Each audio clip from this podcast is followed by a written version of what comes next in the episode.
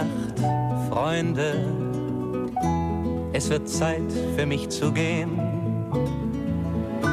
Was ich noch zu sagen hätte, dauert eine Zigarette und ein letztes Glas im Stehen.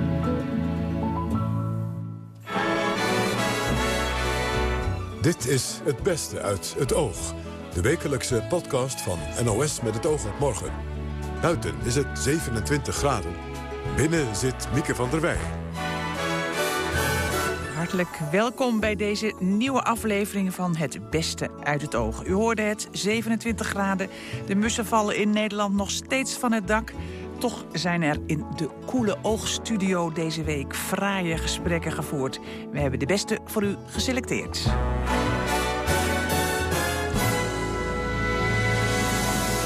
Sopraan Francis van Broekhuizen was te gast naar aanleiding van het MeToo-ontslag van Daniele Gatti als chefdirigent van het Concertgebouworkest. Zelf heeft ze in haar carrière ook wel eens een vervelende ervaring met mannen gehad.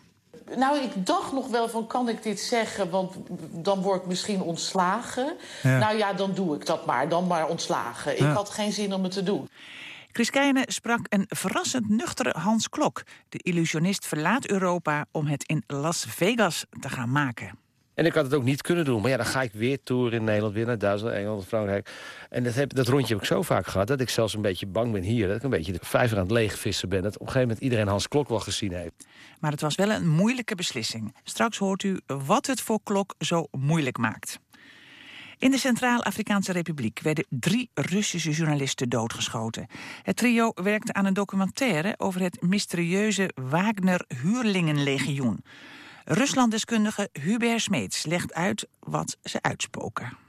Dat is een, een huurlingen, uh, paramilitaire, of misschien wel een echte militaire... maar niet statelijke militaire organisatie... die vermoedelijk werkt onder de paraplu van het Russische ministerie van Defensie. Maar dat weten we niet zeker. Wat we wel zo goed als zeker weten is dat de commandant... een voormalige hoge pief is, een kolonel... uit de militaire inlichtingendienst van Rusland. En de militaire inlichtingendienst in Rusland heeft ook um, strijdende taken. Dat is niet alleen maar een club die afluistert spioneert of verhoren afneemt... maar heeft ook troepen tot zijn beschikking, die militaire inlichtingendienst. En dat is uh, de, de, aard van Wagner. Het heet Wagner, uh, deze huurlingenorganisatie, vermoedelijk omdat deze kolonel uit de militaire inlichtingendienst, meneer Oetkin, als bijnaam en ook als codewoord in het interne contact de naam Wagner naar Richard Wagner, de Duitse componist, heeft gebruikt altijd. De man schijnt een nou, obsessieve belangstelling te hebben... voor het derde Rijk van Hitler. Hmm, ja, dat voorspelt niet veel goeds. Uh, als, als deze organisatie, die wordt dan ingehuurd... het is een private organisatie. Uh, ja, officieel, wat zegt die Wagner-organisatie zelf? Wie zijn de opdrachtgevers? Ehm, de opdrachtgever, de, de, de Wagner-organisatie zelf in Rusland bestaat niet. Althans, oh. ze treden niet naar buiten. Ze hebben geen aandeelhoudersvergaderingen... en uh, geven geen perscommunicaties uit over de winstcijfers van de afgelopen kwartaal. Uh, wat we ervan weten is dat een van de aandeelhouders... een van degenen die betrokken is in de huurlingenorganisatie Wagner... een chef-kok is, die een keten van restaurants heeft... onder andere in Petersburg, ook graag kookt voor president Poetin. En nu komen we dichtbij. Uh, en die zou ehm, uh, die financieringstromen richting dat huurlingenleger... waar ongeveer, ja, niemand weet precies hoeveel soldaten uh, daar gerecruiteerd zijn... maar men denkt 3000, 2 tot 3000. Uh, die chef Kok die zou dat geld die kant op sluizen... en je zou kunnen zeggen als een soort van katvanger functioneren voor de regering in Moskou en voor het ministerie van Defensie. En misschien zelfs wel voor het Kremlin zelf. Er zijn stemmen, ik geef toe, die komen uit Oekraïne... Uh, dat uh, Wagner eigenlijk een soort van privélegertje is van president Poetin zelf. Ja, en, en, en dat is ook de reden waarom hij het geheim wil houden. dit, dit, is een club die die klusjes kan laten opknappen... die die liever het officiële leger niet laat doen. Nee, uh, het officiële leger blijft bijvoorbeeld buiten uh, de strijd... de oorlog in de Donbass, in Oost-Oekraïne. Daar zijn wel huurlingen van Wagner actief geweest. Hetzelfde geldt uh, voor uh, Syrië. Bij tal van offensieven op de grond zijn huurlingen van Wagner uh, strijd, strijdend ten onder gegaan. Ook. Er zijn ook slachtoffers gevallen. En nu dus in Centraal Centraal-Afrikaanse Republiek en ook in Soedan. Dat wisten we eigenlijk al, dat ook Wagner actief was in Soedan. En ze opereren daar een beetje, je zou kunnen zeggen, als een 19e-eeuwse uh, imperialistische macht. Uh, ik las vandaag een interview met een uh, medestander, een, een, adjudant van die Oetkin van Wagner. En die zegt het is eigenlijk heel simpel. Wij komen daar in Soedan en in de Centraal-Afrikaanse Republiek... om de plaatselijke tsaar, het baasje, het, het, stamhoofd, te beschermen. En in ruil daarvoor mogen wij de grondstoffen controleren. En dat is in de Centraal-Afrikaanse Republiek buitengewoon aantrekkelijk. Het gaat om uranium, het gaat om diamanten en andere edelstenen... Dus je zou kunnen zeggen, in ruil voor het beschermen van plaatselijke machtsstructuren, plaatselijke tsaartjes, zoals hij dat noemde, uh, kunnen zij hun zakken vullen. En dat doet erg denken aan de 19e eeuw. Ja, en, maar is het ook aannemelijk dat de dood van die drie journalisten... dat, dat, ja, dat Wagner, daar, dat we die daaraan kunnen linken? We weten heel weinig over wat er precies gebeurd is. De Russische autoriteiten zeggen er niks over. De woordvoerder van het ministerie van Buitenlandse Zaken in Moskou... mevrouw Sagarova, die heeft gezegd... ja, ze waren daar op een toeristenvisum. Wat deden ze daar eigenlijk? Waren het wel journalisten? Uh, dus die wil uh, niet de feiten boven water krijgen... Uh, zodat de rest van de wereld weet wat er aan de hand is. Tot nu toe begrijp ik het volgende. Zij waren daar actief, uh, gingen met de auto op weg naar een basis... waar die Russische huurlingen van Wagner zouden zijn gelegerd. Ze zijn op weg daar naartoe aangehouden... en zijn ook verhoord voordat ze, je zou kunnen zeggen... standrechtelijk zijn geëxecuteerd. Mm. De, journalisten werden gefinancierd door, door, Michael Godorkovsky... Eh, de miljardair die jarenlang werd opgesloten... toen hij een aankwaring van eigenlijk met Poetin... omdat hij wellicht politieke aspiraties had. Uh, ja, wat is zijn belang hierbij om, om deze journalisten te financieren? Mm, ja, dat is uh, denk ik ten dele. Uh, Godorkovsky heeft tien jaar gevangen gezeten...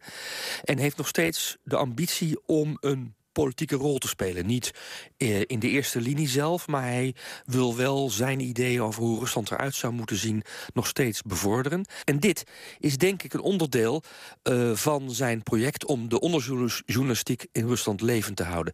Want en deze... daarmee dus ook Poetin in, ja, eh, terug ja, te dringen. Ja, zeker. Hij, ik denk dat uh, Gadorkovsky uh, die huurlingen op, uh, die huurlingengroep van Wagner als een groot gevaar ziet. Laten we eerlijk zijn. In Rusland doet de, doet de regering alsof er sprake is van een machtsmonopolie als het gaat om geweld. En dat ligt dat machtsmonopolie ligt uiteraard bij de staat, zoals ook in Nederland. Maar feitelijk wordt hier een soort van parallelle structuur gecreëerd met Wagner... waar je geen enkele politieke controle over hebt. En omdat in Rusland 20 tot 25 procent van de overheidsbegroting geheim is... Eh, dus dat zijn begrotingsposten waarvan u en ik niet weten uh, waar ze aan besteed worden... rijst het vermoeden, ook bij Gadorkovsky... dat een groot deel van die geheime begrotingsposten gaat... naar bijvoorbeeld paramilitaire en uh, parallele militaire organisaties zoals Wagner. Uh, zal een gemiddelde Rus ervan wakker liggen dat Poetin dit soort mensen inhuurt? Nee, dat denk ik niet. Uh, eerlijk gezegd denk ik dat de gemiddelde Rus... ja, ik begeef me nu op glad ijs natuurlijk. Ik doe alsof ik een soort van psychiater ben... die in de ziel kan kijken van de gemiddelde Rus. Maar ik denk dat een veel Russen het heel erg prettig juist vinden... dat buitenlandse avonturen van de Russische regering... bijvoorbeeld in Syrië, bijvoorbeeld in de Donbass... bijvoorbeeld nu in Centraal-Afrika en Sudan... dat die buitenlandse avonturen niet door gewone dienstplichtige soldaten... of gewone beroepsmilitairen uh, worden uitgevoerd... maar dat dat wordt, je zou maar zeggen, wordt uitge geoutsourced, wordt uitbesteed aan avonturiers... die voor veel geld, uh, dat valt best mee trouwens dat ze mee verdienen... maar ze verdienen iets van 500 euro per maand mee met dat werk... maar die in voor relatief veel geld... Um, ehm, 5000 moet ik zeggen, neem me niet kwalijk. Ik, ik, ik vergis me in. Ja, 500 ja, lijkt me wel nee, heel weinig. Ja, ja. Um, dat soort avonturiers die voor dat grote geld... Uh, bereid zijn naar Soudaan te trekken... of de Centraal-Afrikaanse Republiek... dat die dat doen en daarmee de vlag van Rusland in het buitenland hoog houden zonder dat dat leidt tot ontzettend veel verdriet... in de Russische provinciesteden waar vroeger... bijvoorbeeld toen er oorlog werd gevoerd in Afghanistan... tientallen doden vielen omdat gewone dienstplichtige soldaten omkwamen... bij de guerrilla-oorlog in, bijvoorbeeld in Afghanistan... tussen 1979 en 1989. Maar deze jongens hebben toch ook ouders? Ja, maar ze zijn vaker wat ouder. Uh, als ik goed begrepen heb, uh, recruteren ze niet onder twintigers... maar toch meer onder wat ervarener lui. Uh, dertigers, veertigers. Um, vaak zijn het ook um, ongetrouwde, uh, uh, ongetrouwde mannen... of mannen met uh, heel veel verschillende relaties. Dus met andere woorden weinig binding. En het zijn ook niet zo heel veel mensen. Ik heb zijn net zijn misschien 3000 huurlingen. Nou, dat is allemaal vrij overzichtelijk. Daar, daar hebben ze in Siberië of in, in, in de buurt van Sochi... In de, in de dorpen en de steden geen last van. Dat daar soms een zogenaamde bodybag terugkomt... om te begraven te worden ergens bijvoorbeeld in Pskov, waar het centrum ligt van uh, de Russische mariniers... en waar ook die generaal Wagner, oh sorry, die, die kolonel ja. Wagner vandaan kwam. Chef-dirigent Daniele Gatti werd donderdag ontslagen door het Koninklijk Concertgebouworkest... omdat hij zich seksueel ongepast zou hebben gedragen... richting vrouwen waarmee hij werkte. Sopraan Francis van Broekhuizen kijkt er niet van op... dat dit soort dingen gebeurt in de klassieke muziekwereld. Uh, het is wel, uh, net zoals in de filmwereld of in de toneelwereld... is het wel bekend dat uh, de MeToo-discussie natuurlijk ook bij ons in de klassieke muziekwereld leeft. Omdat er ook jarenlang ja, machtsverhoudingen zijn waarin soms dingen gebeuren die misschien niet kunnen... maar dat daar niet over gesproken wordt omdat artiesten bang zijn om hun werk te verliezen. Ik heb trouwens zelf nooit iets meegemaakt wat onoorbaar was... Uh, maar ik weet wel van verhalen dat mensen soms... dat er dingen gezegd zijn tegen mensen... of dat ze dingen moesten doen op het toneel... die misschien niet helemaal uh, fijn waren. Maar dat je dan eigenlijk niet altijd je mond durft open te doen. Omdat je bang bent uh, je werk te verliezen. Wat voor, wat voor dingen uh, moesten mensen dan doen in de verhalen die u hoorde? Wat voor onhoorbare dingen nou, ja, waren je hebt, er, zijn, er zijn verhalen van sopranen die zich omhoog slapen met dirigenten. De, of sopranen, tenor, zanger. Ik heb het even over zangers, want ja. daar, uit, uit, die wereld kom ik. Dus oh, die zal wel haar weg naar boven hebben want zo goed zingt ze niet. Dat soort verhalen. uh, uh, of, kan ook heel dat, gemeen dat zijn, hè? Gewoon onder elkaar. Dat, maar ja, dat kan dus heel gemeen zijn. Ja. maar het, het, het kan ook zijn dat een regisseur je iets vraagt te doen... waardoor je het gevoel hebt... Uh, doet die regisseur dat nou vanwege een uh, productioneel uh, idee? Of is dit nou omdat hij verlekkerd naar me zit te kijken of zij? snap je wat ik bedoel? Ja, ik snap ja, wat u bedoelt. Hebt u dat zelf wel eens meegemaakt? Dat heb ik, daar heb ik wel een gevoeletje van gehad dat ik dacht... ik moest iets doen op het toneel uh, met uh, tongzoenen en zo. En toen dacht ik, nou, is dat nou nodig? Dat vond de regisseur op dat moment nodig. Ik vond het geen MeToo, want ik heb gewoon gezegd... ik doe dit niet, ah. ik heb hier geen zin in. Nou, ik dacht nog wel van, kan ik dit zeggen? Want dan word ik misschien ontslagen. Ja. Nou ja, dan doe ik dat maar, dan maar ontslagen. Ja. Ik had geen zin om het te doen. Ik werd gelukkig niet ontslagen en dat hebben we in een heel goed gesprek... hebben we daar gewoon over gehad. En het was echt een regieopvatting waar ik het niet mee eens was. Nee. Maar een ander iemand kan daar heel erg door geïntimideerd raken... en ja. denken, wat gebeurt me nou? Ja. En dat is natuurlijk eigenlijk niet de bedoeling. Nee. Of, of wel ontslagen worden. Hè? Uw collega Lenneke Ruiten die nou, is, is ontslagen... omdat ze niet met de dirigent ja. naar bed wilde... vertelde ze laatst op de Belgische televisie. Ja, dat gebeurt dus. Ja. Nou, die heeft het dus verteld. En dat is dus echt niet goed. Nee. En het is dus heel goed dat die MeToo-discussie nu aan de gang is. Want nu draait eigenlijk draait het zich om. Hè? Dus eerst was er een mentaliteit van... nou, we praten er maar niet over, want we zijn bang. En nu, omdat er een hele grote groep artiesten en mensen... wel wat gaat zeggen en iedereen zich eigenlijk gesterkt door elkaar voelt...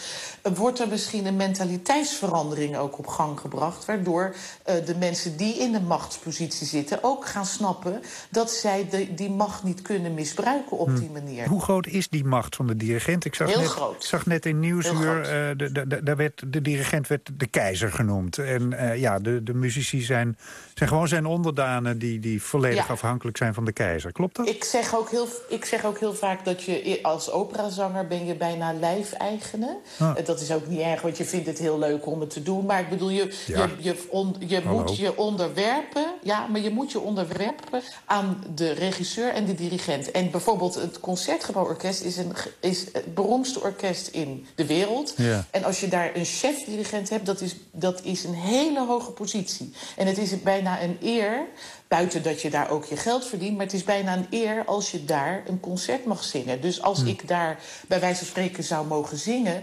daar doe je bijna alles voor. Hmm. En daar zit hem dus de crux... dat als daar een dirigent dan misbruik van maakt... Hmm. is dat eigenlijk heel erg. Je bent steeds afhankelijk eigenlijk van de persoonlijke relatie die je hebt met de mensen waarmee je werkt. Omdat als jij daar goed in het putje valt, om het zo maar te zeggen, Ja. word je teruggevraagd. Val je niet in het putje, word je nooit meer gevraagd. Dus val je niet in het putje omdat je niet met die vent naar bed wil, dan ben je dus eh, de sjaak, om het Ja. zo maar te zeggen. ja, dus het is eigenlijk gewoon eh, het, het, hetzelfde verhaal... als waarmee de hele MeToo-discussie begon. Harvey Weinstein. Iemand die carrières kan maken en breken. Dat kan een dirigent ook. Ja, zeker. En een regisseur ook. En een intendant ook. Een intendant is bijvoorbeeld eh, degene die de casting doet bij een operahuis. Maar de, bijvoorbeeld James Levine eh, uit de Metropolitan Opera is nu ook van bekend. Het was al jaren bekend dat die man eh, van alles deed. Maar Ja. nooit durfde iemand wat te zeggen. En nu, door die MeToo, is hij ook ineens ja, aangeschoten wild misschien. Maar ook wel terecht, want hij heeft wel van alles gedaan. En er zijn ook mensen die zich soms wel echt op kunnen dringen om bijvoorbeeld werk te krijgen. Dat bestaat ook. Dus daar moet eigenlijk heel goed gekeken worden, kloppen al die verhalen. Want als iemand valselijk wordt beschuldigd, dan heeft iemand daar ook de rest van zijn leven last van. Ja. En dat vind ik ook Nou ja, niet dat, altijd dat, zegt, dat, zegt, eh, dat zegt Gatti nu, hè? Dat hij eh, dat hij valselijk beschuldigd wordt. Natuurlijk zegt hij meteen, het was met wederzijdse instemming, maar dat geloof ja, het is ook nog een Italiaan, mag je ook niet zeggen. Dat is ook vooroordelend, hè, macho man. Ja, maar al die vooroordelen, die worden gelijk, of al die clichés kloppen meteen. Ehm, ik vind gewoon dat er goed eh, hoor en wederhoor moet worden gepleegd bij ja. alle. Ja, en nou En- zegt u, het komt heel veel voor... en het, het, het, het, het zit helemaal ingebakken in die, in die enorme hiërarchie... die er is in de klassieke wereld. Ja. De- de- Ja. Mensen moeten zich dat bewust zijn, oké... maar daarmee heb je die structuur nog niet veranderd. Is daar iets aan te doen? Nou, door er dus over te praten en door deze discussie met elkaar te voeren. En ook toch eh, als artiest die bijvoorbeeld, in- of als je in het koor zit of in het orkest, om toch je mond open te trekken. eh, of iets eerder misschien dan zeggen: hé, hey, luister eens, je gaat nu over mijn grens heen. Dat heb ik liever niet. Probeer toch ook voor jezelf meer zeker te zijn.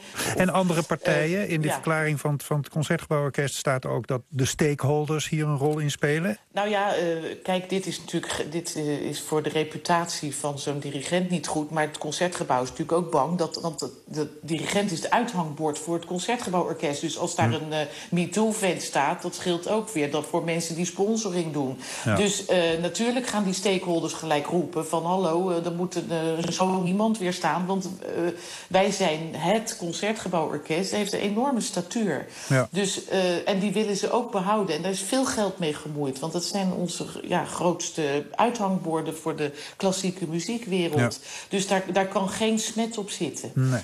Dat zei dus sopraan Francis van Broekhuizen. Het blijft heet, u weet het. Veel mensen zijn er niet blij mee, maar sommigen ook wel. De ijssalons draaien op volle toeren. Ook die van Roberto Coletti, eigenaar van ijssalon Roberto Gelato in Utrecht. Goedenavond. Was het druk vandaag? Ja, vanavond was eh, bizar druk. Bizar druk zelfs. Oké. Ja, welke ja. smaak deed het best? Eh, volgens mij nog steeds eh, mango en eh, chocola. De, de ijssalon, hè? ehm, dat is inmiddels een, een bekend fenomeen in Nederlandse dorps- en stadscentra. Maar sinds, sinds wanneer eigenlijk? Wanneer kwam de eerste ijssalon naar Nederland? Nou, voor eh, eh, 1931, eh, eh, de hele hijs werd door ijskaren verkocht. En toen kwam een Italiaan, de opa van Carlina, Ja, de Lorenzo... eh, kwam in Nederland in 1928 en eh, hij beslist om in 1931 de eerste ijssalon te openen. Eh, de eerste ijssalon betekent dat de namen niet bestonden. Heeft hij zelf verzonnen. de naam ijssalon. Ja, Ja. En was dat meteen een succes? Helemaal niet. Want eh, hij had een eh, revo- revolutionair concept natuurlijk. eh. en ijs eten niet meer via de ijskar, maar gewoon aan tafel. Ja. En eh, ja, niemand kan binnen. Want eh, als je niet weet wat, wat iemand verkoopt, ja, dan loop je toch niet binnen. Oh, jee. Hij had hele moeilijke jaren. Gelukkig dat hij nog ijskaren rondom had. Die kon uh, financiële steun kunnen geven. Ja, ja. Wie, wie is er eigenlijk ooit op het idee gekomen om ijs te gaan eten? Dat is zo'n lange verhaal. Dat, uh, het is bijna niet te vinden, bedoel ik, de start. Hè? Zelfs Hmm. in de Bijbel staat iets geschreven. Kijk, In de ij- Bijbel? ijs in Over de- ijs? Ja? Ja, ja, Oh. ja, ja, ja. Ja, ik ben niet zo thuis in, in de Bijbel, maar eh, als ijsbereider natuurlijk eh, ken ik een beetje de geschiedenis van mijn vak. En eh stond een zin in de Bijbel eh, waar eh, Abraham volgens mij, maar dat, dat, daar ga ik niet, eh, niet in verdiepen. Want, Gaan we, gaan we googlen? Ja, nee. Maar, maar heel lang geleden, dus hoe deden ze dat toen dan? Nou, ijs is niet, natuurlijk, was niet op een horentjes en twee bolletjes met slagroom. Maar was meer een menging van schaaf, eh, schaafijs en een sap. Aha. Zo is het ijs tot, denk ik, beetje pak een beet 1500. Maar hoe heeft zich dat ontwikkeld tot het, het roomijs... eh, dat we vooral vanuit de ijssalon kennen? Is dat speciaal in Italië gebeurd? Het is eh, eh, dankzij een Italiaan. En eh, praten wij natuurlijk in de jaren 1500... toen Catharina de Medici ging trouwen in Parijs... met de toekomstige koning Enrico II. Ja. Nou, die, die meneer die heet Bontalenti en die was een kunstenaar. En, en hij natuurlijk was een soort kleine Leonardo da Vinci. En die had een machine gemaakt na- naast zijn schilderij... naast heel veel dingen die hij deed. En had een kleine ijsmachine eh, gemaakt.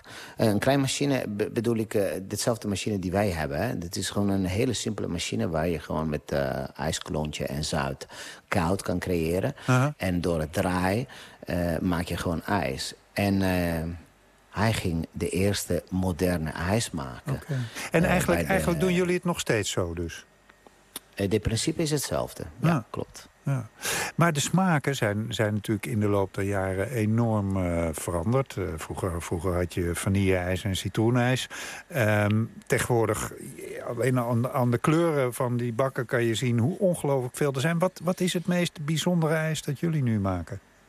Eh, ja, haringijs, bloedijs, eh, Haringijs? pindakaas. pindakaas Wacht even, wacht even. Haringijs? Wat, daar gaat, Elke echt, jaar daar gaat echt haring in ook? Ja, ja, ja, ja. Elke jaar eh, als de Hollandse Nieuwe komt... eh, vier ik samen met de Nederlandse volken... met mijn ijs en de haringijs. Dat vind ik wel lekker, hoor. Ja. Zijn er nog meer mensen die het lekker vinden? Nou, de Nederlanders zeker. Ja? Een aantal buitenlanders vinden ze natuurlijk eh, heel raar. Maar het is een kwestie van hersenen, hoor. Dat is, het bestaat ge- eh, geen spullen die niet lekker is. Hmm. Het is alleen een kwestie van, eh, van eh, open mind. Oké, ja, ja, ja nee, dat, dat, dat geloof ik. Ik probeer het me even voor te stellen. Is dat een ijsje wat je ook zo boven je mond moet houden... en dan naar binnen moet laten Het is- zakken? Of Eh, het is een ijs met staart. een ijs met staart, oh ja. Nou, daar ben ik wel benieuwd naar, naar haringijs. We gaan naar het laatste onderwerp. Illusionist Hans Klok verruilt Amsterdam voor The Strip. Na een afscheidstournee in Carré, die op 15 augustus van start gaat... en ook nog door het land trekt, vertrekt hij naar Las Vegas. Voor 10 jaar, zes dagen per week en twee shows per dag. Dat is nogal wat. Chris, ja, het is echt een beetje de Chris Keijne show vandaag... had Klok maandag in de studio en vroeg dus dit. Je dacht, ik ga het een beetje rustig aan doen. Ja, ik dacht, eh, ik ga... nou ja, nee, het is best heftig natuurlijk. En ik begrijp heel veel mensen zeggen, ja, waarom doe je dat? Je hebt zo'n mooie carrière in Europa. Maar ik heb zoveel jaar alleen maar gereisd en uit een koffer geleefd. En ik dacht, nou, ik, eh, ik ga toch nog een keer wagen. Volgend jaar hoop ik 50 te worden. Ik denk, dat is nog net, dan kun je nog net zeggen... ik ga zo'n groot contract doen. En dat kijken of je daar ook kan maken. En eh, ik, ik vind het ook wel weer leuk om opnieuw te beginnen. Waarom teken je meteen een contract voor tien jaar? Je kan toch ook zeggen, ik ga het een jaartje proberen? Of, eh, Nou, het is een heel groot contract. En ik, ik, ik begrijp wel dat het zo werkt daar. MGM, de MGM-groep, wat eh, ooit begonnen is ja, met- als... Metro Goldwyn Mayer. Precies, ja, de filmstudio's. eh, ja. Die hebben zo'n ongeveer 20 casino's op de stip. Echte grote casino's. Daar zijn ze eigenaar van. En zij... ja, ze hadden zoiets van een nieuwe magician in Vegas. Het is tijd voor een nieuwe magician. Je, Copperfield is nu midden 60. En eh, nou, er zijn nog een paar van die grote jongens die daar optreden. Ehm, dus ze verwelkomden mij. En, ehm, maar ze zeiden wel, kijk, als we gaan er alles aan doen om jou daar heel beroemd te maken. En eh, ja, dan moet je wel voor, voor langere tijd committen. En ik had het ook niet kunnen doen. Maar ja, dan ga ik weer tour in Nederland, weer naar Duitsland, Engeland, Frankrijk. En dat, heb, dat rondje heb ik zo vaak gehad dat ik zelfs een beetje bang ben hier. Dat ik een beetje de vijver, vijver aan het leegvissen ben. Dat op een gegeven moment iedereen Hans Klok wel gezien heeft. Oh, ja. Nu heb ik een contract waar ik ook af en toe uit kan. Weet je, je kan er ook af en toe, ja niet te lang, maar dat je zegt, nou, ik ga de eerste twee, drie jaar Vegas doen. En dan kom ik gewoon bijvoorbeeld nog een keer drie weken terug naar Carré. Oké. Eh, maar weet je dat je alleen de allergrootste theaters dan nog doet. Eh, ja, het is de- een groot Ja. avontuur, changing life. Weet ik, ik heb hier op mijn papier staan de vraag... ja, je, je gaat voor goed afscheid nemen van Nederland, staat er op je site. Ben je ons zo zat? Maar je bent dus eigenlijk bang dat wij jou een beetje zat zijn. Ik ben bang dat jullie mij zat zijn. Nee, in Nederland ben ik zeker niet zat. Ik weet als geen ander, als je zoveel reist, hoe geweldig land dit is. Je moet je niet met politieke zaken bemoeien. Heb ik geprobeerd met de Oostvaarderse Daar wou ik plassen. nou net over met je beginnen. Maar Ja, ja, dat zal wel. Maar verder is het een geweldig land, een vrij land. Dus ik hou van Nederland. Ik ben ook heel erg Nederlands. Nee, ik, ga, ik, ik ben bang voor dat jullie mij zat zijn. En ik zeg, ik zeg, ik zal zeker nog in Nederland optreden. Ik ga nu weer in Carré staan. Dat vind ik altijd een grote eer. Dus ik ben Nederland zeer dankbaar. Oké, je stond al eerder eh, in, in Las Vegas. Ik, Ja. ik kan me eh, Pamela Anderson herinneren, waarmee je, waarmee je daar optrad. Ehm, wat, wat zoek je daar? Nou ja, wat je daar zoekt is natuurlijk publiek. Je hebt daar eh, zoveel mensen, zoveel toeristen uit de hele wereld... die komen om Las Vegas te bezoeken. Gemiddeld blijven ze daar anderhalve dag. Hè. Dus hebben ze natuurlijk onderzoek naar gedaan. En als je in Las Vegas bent, dan kun je om 7 uur de show van... Celine Dion bekijken. Hè, en om 9 uur ga je naar David Copperfield. En om 12 uur draaien kun je nog even naar Gladys, Gladys Knight. De- het is natuurlijk een en al entertainment. Dus het is voor ons, ja, je kan daar altijd blijven werken. En dat is heel fijn, want ik treed heel graag op. Plus dat, zoals, zoals ik altijd heb opgetreden in Azië en ook nu in Europa... moet ik voor elk optreden zoveel promotie maken. Dat is- dit is ook toch een beetje promotie. En ehm, op een gegeven moment in Vegas ben je gewoon daar bekend. En dan zou die molen moeten lopen. En dan vervalt ook dat stukje, want dat is eigenlijk ook wel heel veel werk. Ik ben eigenlijk heel vaak mezelf aan het verkopen... en over mezelf aan het praten, dat ik af en toe... dat ik denk, dat heb ik toch al verteld, maar dan was het interview ervoor. Nou, dat vind ik eigenlijk niet... Ja, soms vind ik dat leuk, maar niet altijd. Ja, en wat voor... eh, we, kennen je hier eh, zeker de laatste tijd van, van die grote shows. En Ja. nu die, eh, de, de, de, House of Horror, waarmee of je ook nu weer in Carré gaat staan. die, Ja. die afscheidstournee. Heel groot. eh, ze hebben natuurlijk enorme theaters in Las Vegas. Is dat ook de bedoeling daar? Nee, ik ga juist in een heel klein theater staan. Dan ga in een theater staan waar zo iets minder dan 500 mensen in kunnen. Dat vind ik ook heel leuk. Het is echt een nachtclub. Dus mensen zitten aan tafeltjes met een drankje. Er wordt gewoon drank ge- geserveerd tijdens de show. We gaan eigenlijk een beetje terug naar de tijd van Elvis en Frank Sinatra. Vergeet niet, zoals Sinatra stond in de Sands, een casino. Daar konden zo 450 mensen in. En dat was hij al wereldberoemd op dat moment. Dus ik vind het heel leuk eh, om terug te gaan naar die intieme theaters. Ik heb ooit elf jaar terug in 2007 in een gigantisch theater gestaan. En dat kreeg ik ook gewoon niet vol. Dat is, en kijk, als ik dan duizend mensen had... dan deden we ook twee shows op een avond... maar je hebt dan nog 800 lege stoelen... dan lijkt het best leeg. En toen is het niet echt helemaal gelukt. Ik heb altijd gezegd, ik ben iemand van de tweede keer... en ik ga die gok wagen. Nou, nu is die tweede keer daar. En gelukkig begin ik in een, in een kleinere zaal. Dan nog met twee shows moet je het nog bijna duizend mensen per avond hebben. En ik heb een groeisituatie, want MGM heeft 20 casino's. Dus vanuit het casino waar ik ga beginnen... zou ik misschien kunnen doorgaan naar een veel groter casino... mocht er zoveel aanvraag zijn. En betekent dat ook dat je heel anders moet gaan werken? Dat je bijvoorbeeld weer allemaal eh, nieuwe trucs moet gaan kopen? eh, Nou, dat is wel een voordeel, want je hebt, ik heb natuurlijk zo lang niet in Amerika eh, opgetreden. ze, kennen je, ze, ze kennen ze nog niet Ze daar. kennen ze nog niet, dus alles is weer nieuw. Hè. Dat is zo leuk van het opnieuw beginnen. Mijn acts zijn nieuw, mijn stijl. Ik heb natuurlijk wel heel veel televisieshows in. Ik heb zelfs vijf keer Ellen DeGeneres mogen doen. Dus ik heb wel heel veel televisie gedaan daar in Amerika.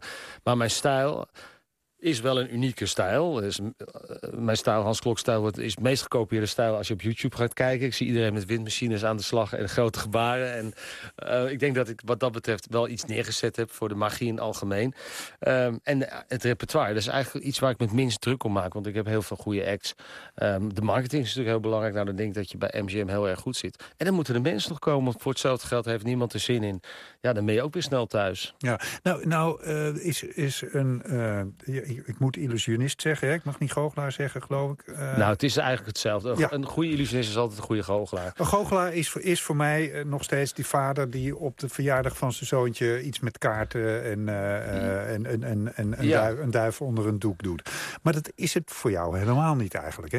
Nee, nou ja, kijk, je hebt natuurlijk zoveel fantastische goochelaars. En Nederland is daar echt... eh, je hebt zoveel geweldige goochelaars voortgebracht. Denk aan Gek Kopper, wereldkampioen. Richard Ros, Fred Kaps, Fred drievoudig Kaps, wereldkampioen. Maar goochelen is iemand die zijn behendigheid laat zien. En een illusionist is vaak wat dramatischer. Dus het komt echt op hetzelfde neer. Alleen een, een goochelaar laat een spel kaarten verdwijnen... en een olifant laat een helikopter verdwijnen. Maar in, in basis is het hetzelfde. Alleen vaak is een illusionist Maar ga je, nu dichter, ga je nu, omdat het kleiner is, ook weer dichter naar de kaarten? Of wordt het ook helikopters? nou, eh, nee, ik ga allebei doen. Alleen mensen die naar mijn show zijn geweest... die weten dat ik juist heel veel van dat kleine werk doe. Alleen op een tele- in een televisieshow... ja, dan zeggen ze de snelste magician eh, van de wereld. Nou ja, who cares? Maar dan doe je vaak een paar van die grote acts om indruk te maken. Maar in mijn show, en zeker ook in Carré... doe ik juist ook heel veel van die prachtige kleine, echt juweeltjes. Ik laat bijvoorbeeld, ik vertoon de zwevende gloeilamp van Blackstone. Die gloeilamp gaat op een gegeven moment met een rotgang door die zaal zweven. En dat is natuurlijk, dus die truc is 120 jaar oud. Ehm, onbegrijpelijk en, en, en een mysterie. En ik ben de- gelukkig de enige die het mag vertonen. Ik heb de rechter kunnen krijgen van het geheim van de familie Blackstone.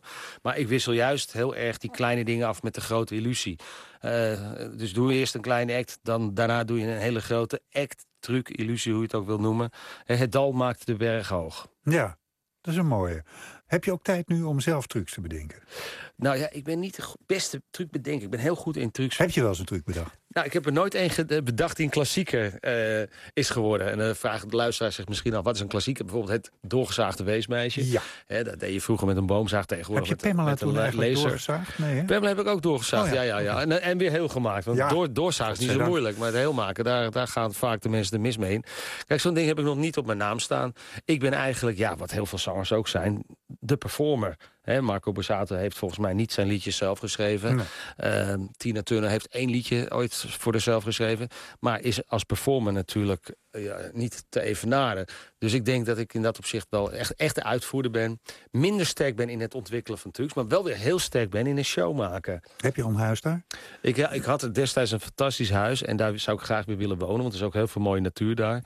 Ehm, dat is eh, bij de, vlak bij de Red Rocks, de Rode Bergen. Dus ik kijk daar eh, ik kijk naar echt wel... eh, ja, vind wel en, en ja, het is eh, raar, weet je. Ik bedoel, mijn moeder heeft Alzheimer. eh, Weet bijna niet meer... Ja, ze weet mij nog net en mijn broer. Maar het zijn wel dingen die je ook moet loslaten, weet je. Je huis, je dingen. Maar zoals mijn moeder, dat vind ik dan een heel extreem iets, weet je. Want dat is wel heftig. Want ik zal heus wel eens in het half jaar terugkomen. Maar Ja. hoe tref je dan zo, je moeder aan? Dus het, is niet echt zo heel makkelijk. Maar het is... eh, mijn moeder, toen ze goed was, tien jaar terug, had ze gezegd... Hans, ga, dat is je droom. En die moet je na, je, eh, na proberen te streven. Nou, en dat gaat hij dus doen. Hij gaat zijn dromen achterna en wonen en werken in Las Vegas. Dit was het voor deze week. Volgende week is er weer een podcast. Dag. Gute Nacht, Freunde. Es wird Zeit für mich zu gehen. Was ich noch zu sagen hätte, dauert eine Zigarette und ein letztes Glas im Stehen.